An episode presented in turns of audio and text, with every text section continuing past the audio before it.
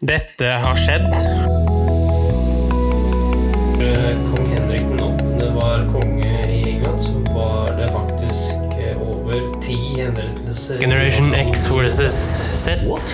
Sandberg Productions presenterer Den ekte samtalen om og med generasjon X og Z. Hold deg fast og nyt. I dag tar vi opp temaet Seriemordere del 1. Ted Bundy del 1. Hei, hei, kjære lytter, og hjertelig velkommen til en ny episode av Generation X versus Z. Din formidler av generasjonskløften mellom generasjonene X og Z.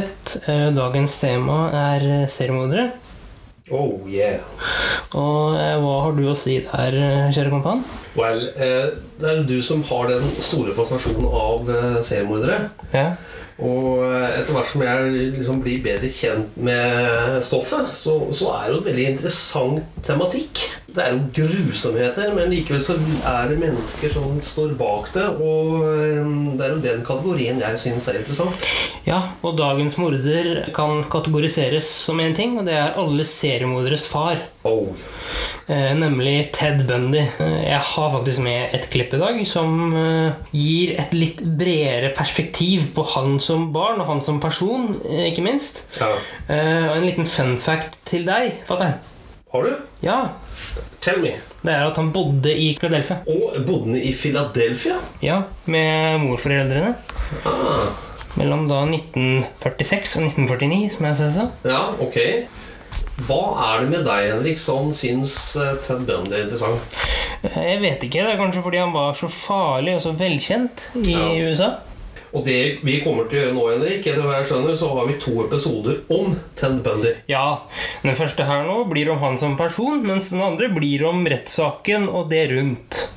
Yes. Også inn på det der med at han gifta seg i retten. Og hvem det var, eh, det skal vi inn på senere. Ja. Vi har både sett på en del YouTube-klipp, vi har eh, sett filmet, eh, og du, Henrik, har vel eh, spurt også flere for å få rettigheten til å kunne la lytterne høre på en del lydfiler. Jeg, jeg kan si sånn, jeg har prøvd da, jeg har prøvd å spørre til rettigheter, men jeg har ikke kommet noen vei, så jeg bare legger ved kildehenvisning og håper på at det går fint. Ok, da kjører vi løpet. Vi kjører.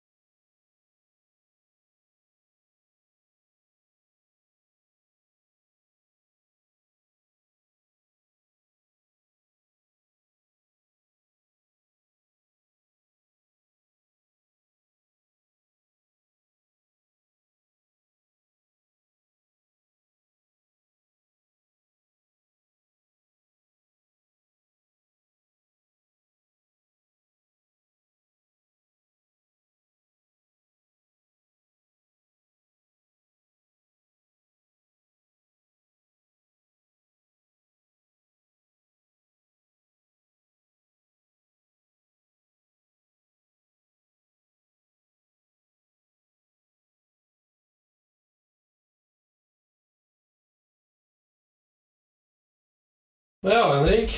Hva tenker du nå? Altså, Nå har vi fått litt innblikk. Både barndommen og noe av ungdomsårene.